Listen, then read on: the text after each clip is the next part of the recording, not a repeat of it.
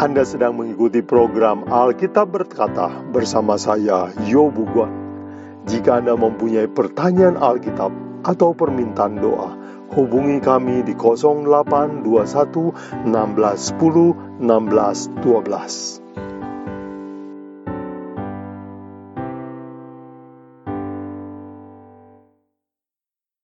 Bapak Ibu Saudara sekalian pendengar setia kita berkata selamat berjumpa kembali. Hari ini kita akan belajar kitab Wahyu Mengenal kitab Wahyu dan bagaimana mengertinya.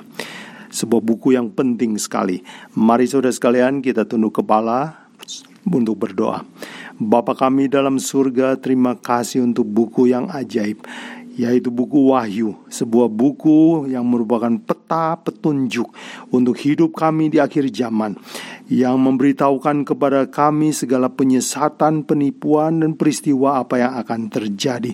Bantu kami untuk mengertinya, supaya kami dihindarkan segala bahaya dan penyesatan.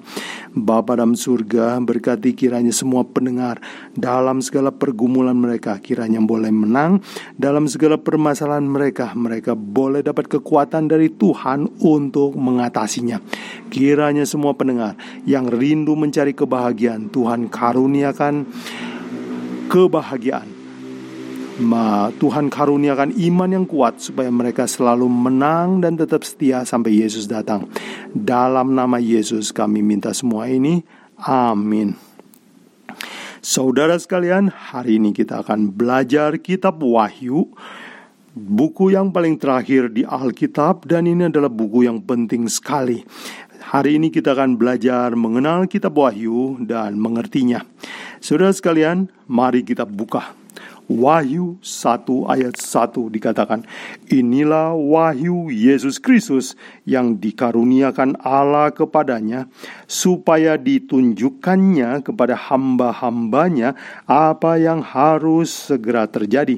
Dan oleh malaikatnya yang diutusnya, ia telah menyatakan kepada hambanya Yohanes. Saudara sekalian, Kata wahyu dalam bahasa aslinya adalah apokalipsis atau apokalipso.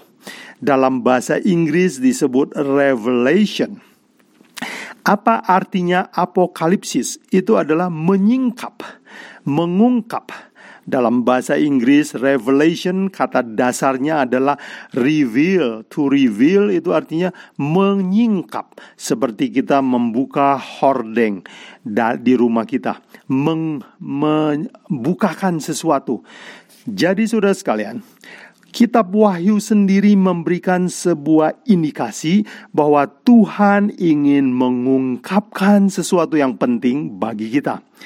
Nah, saudara sekalian, ada pendapat umum yang beredar di masyarakat bahwa oh kitab Wahyu adalah kitab rahasia, kitab yang sulit dimengerti. Orang awam tidak bisa mempelajarinya. Hanya orang-orang terpelajar yang boleh pelajari itu. Bahkan ada yang mengatakan bahwa belajar kitab Wahyu bisa membahayakan, bahkan bisa bikin gila. Nah, saudara sekalian, pendapat ini uh, tidaklah benar sebab kata wahyu sendiri adalah mengungkap rahasia, menyingkap misteri.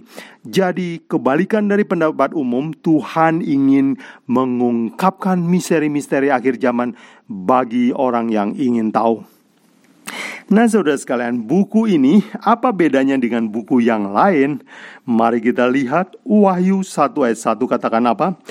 Inilah wahyu Yesus Kristus. Inilah wahyu dari Yesus Kristus. Jadi, siapakah sumber atau penulis utama dari buku Wahyu? Yesus Kristus sendiri. Bandingkan dengan buku-buku lain, misalnya inilah firman yang datang kepada Yeremia, Yesaya. Ah, lalu Paulus menulis, inilah ya Rasul uh, Paulus Rasul Yesus Kristus. Jadi buku-buku yang lain ditulis oleh manusia pakai bahasa mereka uh, menurut ide mereka tetapi digerakkan oleh Roh Kudus.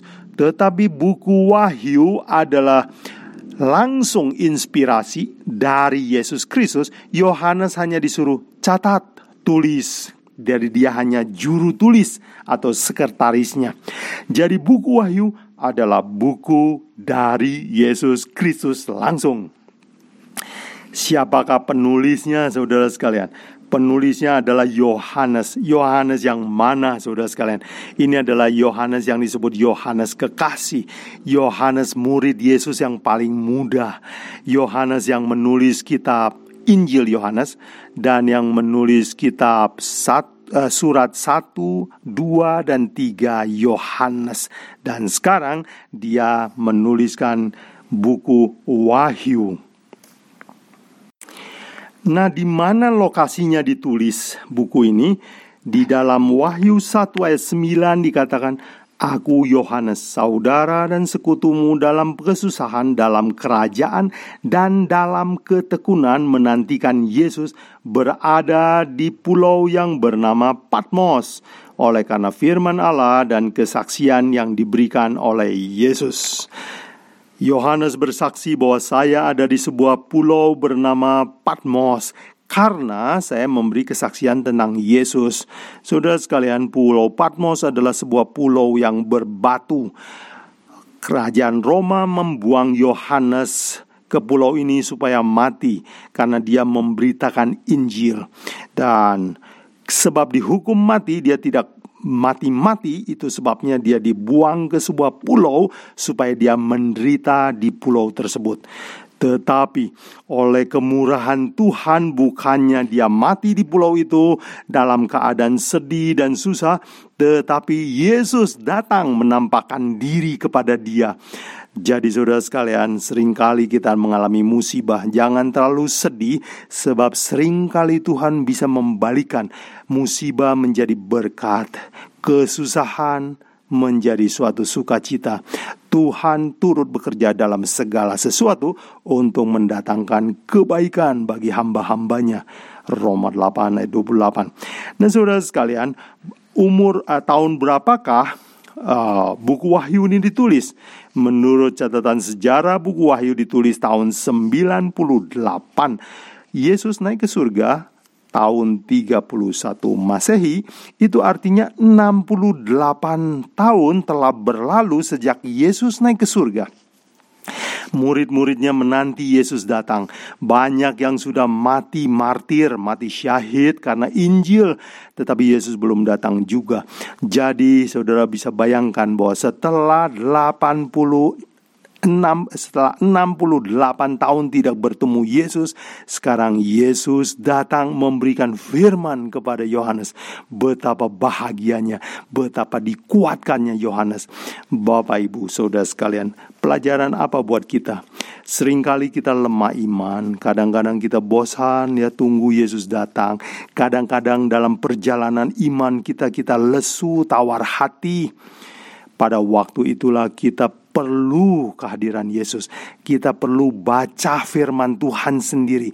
Firman itu kalau nyata di telinga kita, di dalam benak kita, maka iman kita akan dikuatkan kembali, disegarkan kembali. Nah, saudara sekalian, apa isi dari buku Wahyu? Dikatakan dalam Wahyu 1 ayat 1 kembali kita baca. Inilah wahyu Yesus Kristus yang dikaruniakan Allah kepadanya supaya ditunjukkan kepada hamba-hambanya apa yang harus segera terjadi. Jadi isi buku wahyu adalah peristiwa-peristiwa yang akan terjadi sejak kenaikan Yesus ke surga sampai kepada akhir zaman, sampai kepada dunia baru. Jadi peristiwa-peristiwa inilah yang Tuhan berikan kepada Yohanes untuk ditulis supaya umatnya mengetahui ah, peristiwa apa yang terjadi sejak Yesus naik ke surga sampai akhir zaman supaya mereka bersiap jangan ada yang tertipu. Nah, saudara sekalian, sekarang kita masuk ke bagian yang kedua yaitu apa isi buku Wahyu. Dan saudara sekalian, buku Wahyu bisa kita kelompokkan dalam tiga kelompok. Tetapi ketiga kelompok ini isinya sebenarnya satu tema. Mari saya kutip sebuah ayat tema kita, ayat inti dari kitab Wahyu yaitu Wahyu 12 ayat 7 dikatakan, "Maka timbullah peperangan di sorga, Mikael dan malaikat-malaikatnya berperang melawan naga itu dan naga itu dibantu oleh malaikat-malaikatnya." ada perang antara Mikael dibantu malaikatnya dan naga dibantu malaikatnya. Nah, siapakah Mikael ini? Kita bisa buktikan dari Alkitab bahwa Mikael adalah gelar dari Yesus Kristus. Siapakah naga itu? Naga adalah lambang dari iblis. Jadi kalau begitu, buku Wahyu bahkan juga seluruh Alkitab temanya adalah peperangan antara Tuhan melawan iblis, antara Kristus melawan setan, antara yang benar melawan yang salah, antara kebaikan melawan kejahatan, dan itulah seluruh Alkitab, isi seluruh Alkitab, dan itulah tema juga buku Wahyu. Dengan kata lain, buku Wahyu mengatakan kepada kita apa yang akan Yesus buat untuk gerejanya sampai akhir zaman, dan apa yang setan akan buat melawan gerejanya supaya sampai akhir zaman. Jadi peperangan kedua pihak inilah yang menjadi isi wahyu bahkan isi seluruh Alkitab. Nah, sekarang Saudara sekalian, kita bisa membagi 22 pasal dari buku Wahyu ini ke dalam tiga kelompok. Nah, sebelum itu, saudara sekalian, mari kita amati bagaimana cara buku Wahyu ini ditulis. Oh penuh dengan simbol-simbol bukan?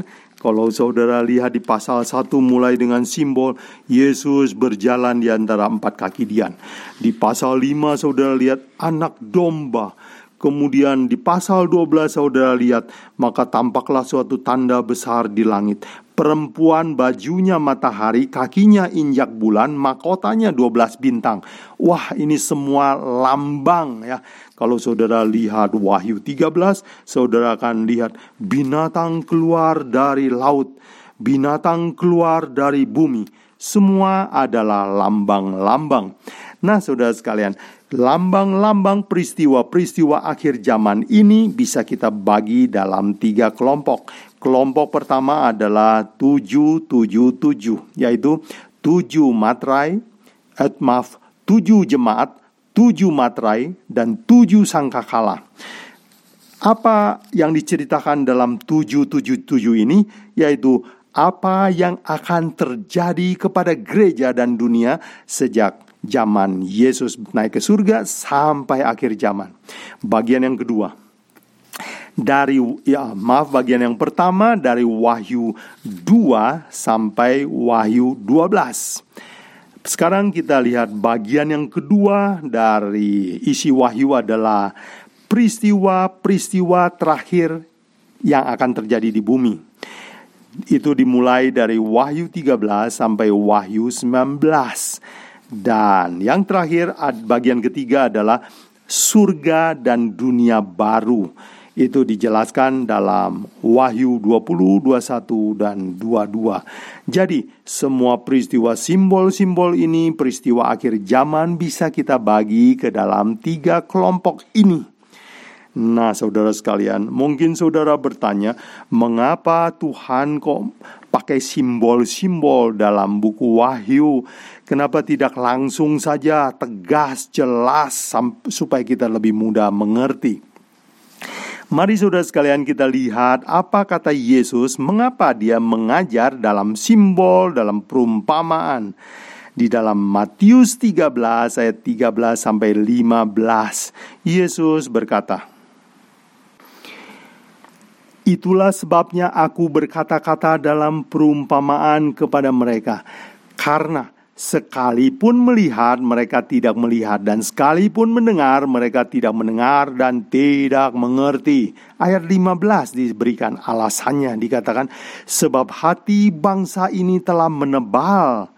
Dan telinganya telah berat mendengar, hatinya menebal. Nah, apa artinya saudara sekalian? Yesus berkata, "Mengapa saya memberikan simbol uh, pengajaran dalam perumpamaan supaya orang yang hatinya menebal, yang tidak mau bertobat, tidak mau cari kebenaran, tidak ngerti. Dan orang yang rindu kebenaran mudah untuk mengerti. Jadi, mengapa Yesus sering mengajar dalam simbol, bahkan menggunakan simbol dalam buku Wahyu, supaya orang yang mau tahu kebenaran mudah mengerti, supaya orang yang tidak cinta kebenaran, dia tidak akan mengerti. Jadi ada dua maksud Tuhan di dalam mengajar dalam perumpamaan atau simbol-simbol. Bapak Ibu Saudara sekalian, kalau saya keluar negeri, kalau bicara apa kode-kode rahasia dengan istri saya, sering kali kami menggunakan bahasa Sunda. Saya bahkan gak berani pakai bahasa Indonesia, takut ada yang bisa mengerti. Kalau orang yang mengerti bahasa Sunda di luar negeri kemungkinannya kan lebih kecil lagi. Jadi sering kali kami misalnya membahas tentang harga uh, rencana bahaya-bahaya di depan kita, kita sering pakai bahasa Sunda.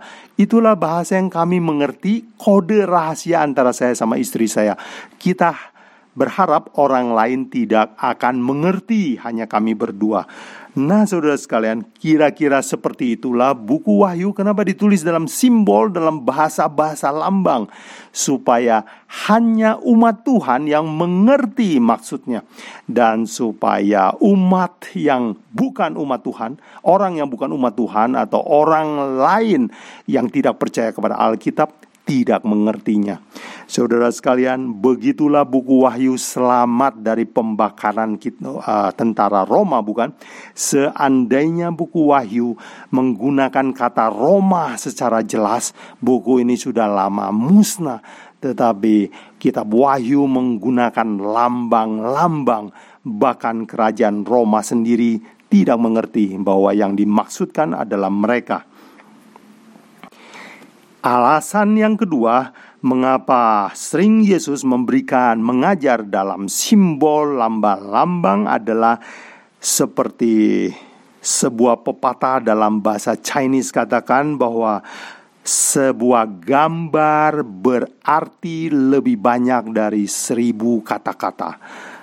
Mengajar dalam perumpamaan, dalam simbol membuat pengajaran itu jadi ringkas Saudara bisa bayangkan seandainya kitab Wahyu ditulis dalam bahasa literal atau hurufiah, maka keterangannya akan panjang dan mungkin juga akan ketahuan rahasianya dan uh, mungkin tidak akan selesai dalam 22 pasal seperti yang sekarang ini. Tetapi bila mana disimbolkan dengan lambang-lambang dia jadi ringkas dan hanya perlu 22 pasal luar biasa. Nah, saudara sekalian, coba saudara bayangkan uh, kalau peraturan lalu lintas ditulis dalam kata-kata, tentu akan panjang dan kurang komunikatif, bukan? Misalnya dilarang parkir sepanjang uh, 20 meter ke kiri, 20 meter ke kanan. Uh, kalau misalnya kita gunakan kata-kata, kita akan bilang begini, dilarang parkir di tempat ini, 20 meter ke kanan, 20 meter ke kiri. Panjang bukan? Sebagai gantinya, orang lalu lintas menggunakan simbol gambar lambang. Mereka cukup bikin sebuah papan bulat, lingkaran merah, dikasih tulis huruf P lalu dicoret dengan tanda merah. Itu artinya dilarang parkir ke kiri sekian meter, ke kanan sekian meter. Satu gambar lebih berarti dari seribu kata-kata. Itu sebabnya wahyu yang berisi informasi penting hanya cukup ditulis dalam 22 pasal. Nah saudara sekalian, sekarang kita telah selesai dengan bagian yang kedua. Sekarang kita masuk bagian yang ketiga yaitu Bagaimana caranya mengerti buku wahyu yang berisi simbol dan lambang-lambang ini. Nah Bapak Ibu Saudara sekalian Bila mana Bapak ambil buku Wahyu Coba lihat di bagian bawah dari kitab Wahyu Saudara akan menemukan catatan kaki referensi ayat yang banyak sekali ini adalah buku dalam Alkitab yang mempunyai referensi terbanyak. Nah, kalau kita lihat referensinya, kita tinggal pergi ke ayat tersebut dan kita akan mengerti, oh kenapa digunakan kata itu di sini di dalam buku Wahyu. Jadi kalau begitu dari referensi yang begitu banyak di bawah buku Wahyu, kita mengerti bahwa kita tahu bahwa cara untuk mengerti buku Wahyu adalah pergi ke buku-buku lain di dalam Alkitab yang menerangkan tentang arti kata itu. Jadi, cara mengerti Wahyu adalah menjadikan Alkitab sebagai kamus bagi dirinya sendiri. Kita tidak perlu buku pendapat-pendapat manusia. Kita belajar langsung dari firman Tuhan kita menjadi murid Yesus Kristus langsung. Dan saudara sekalian, ini adalah sebuah prinsip belajar Alkitab yang aman yang ditemukan atau dianjurkan oleh Martin Luther, seorang reformator Kristen. Sebagai contoh saudara sekalian, di dalam Wahyu 12 ayat 1 dikatakan seorang perempuan pakai baju matahari. Apa artinya saudara sekalian?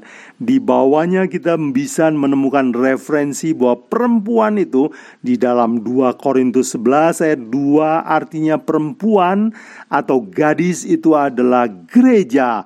Jadi perempuan adalah lambang gereja menurut tulisan Paulus di 2 Korintus.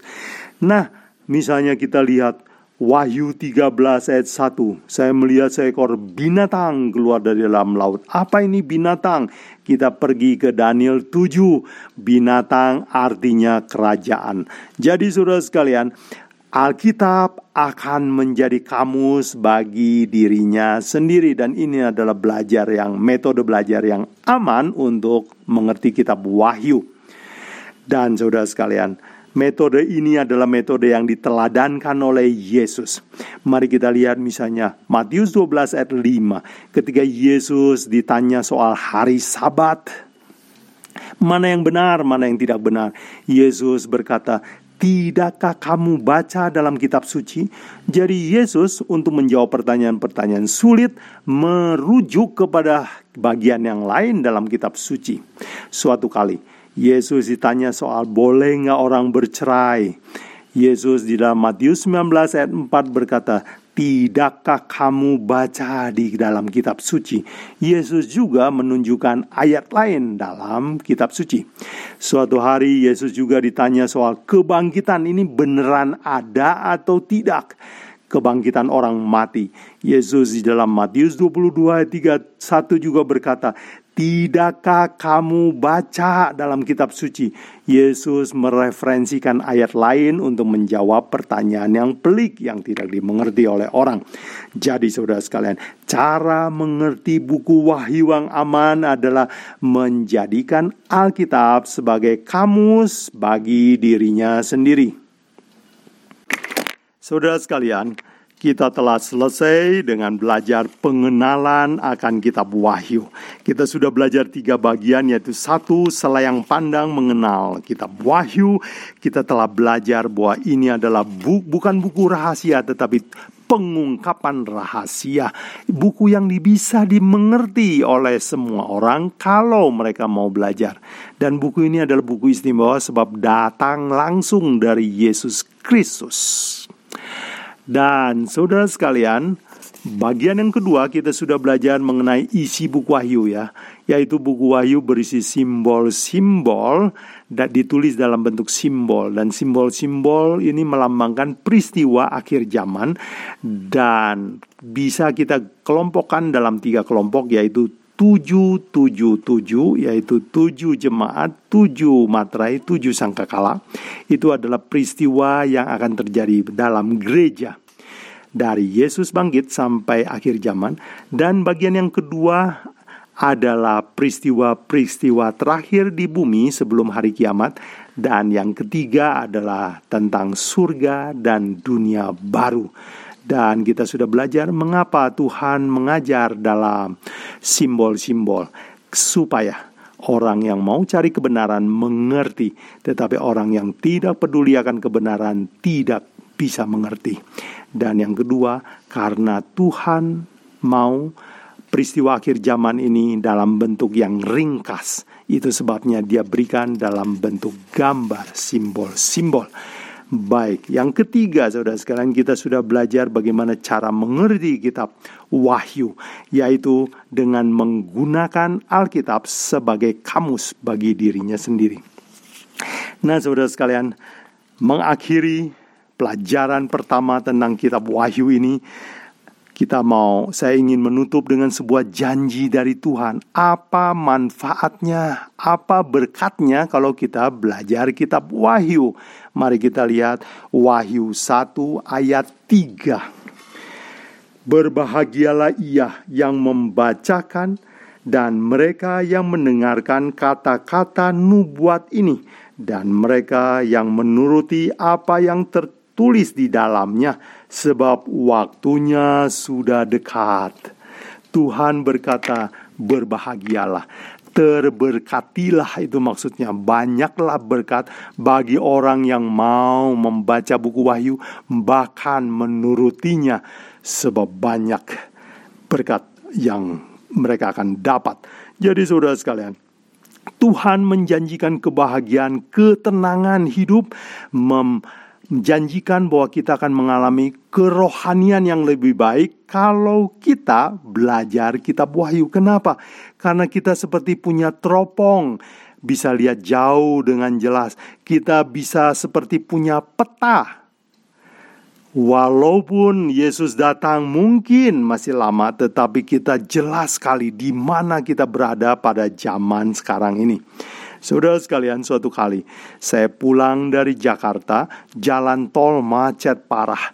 Saya coba untuk keluar jalan biasa. Saya keluar di Bekasi, tetapi saya kaget itu pertama kalinya saya mengunjungi kota Bekasi.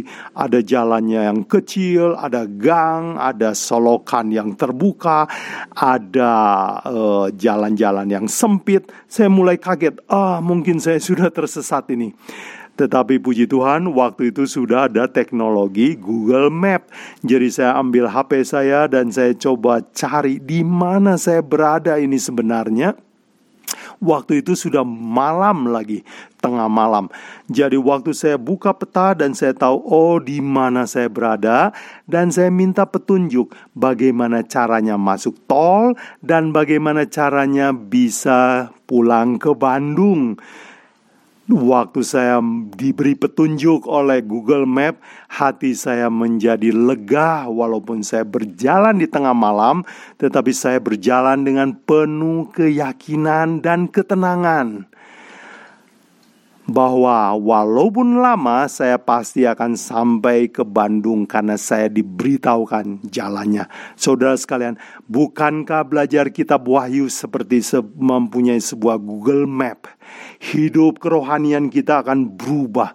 Kita akan lebih tenang. Cara kita memandang kehidupan dan masa depan akan berubah total karena mempelajari kitab Wahyu. Saudara sekalian, undangan saya adalah maukah saudara tertarik, jikalau saudara tertarik sekarang, undangan saya adalah mari ambil waktu bersama saya, mari kita pelajari buku Wahyu.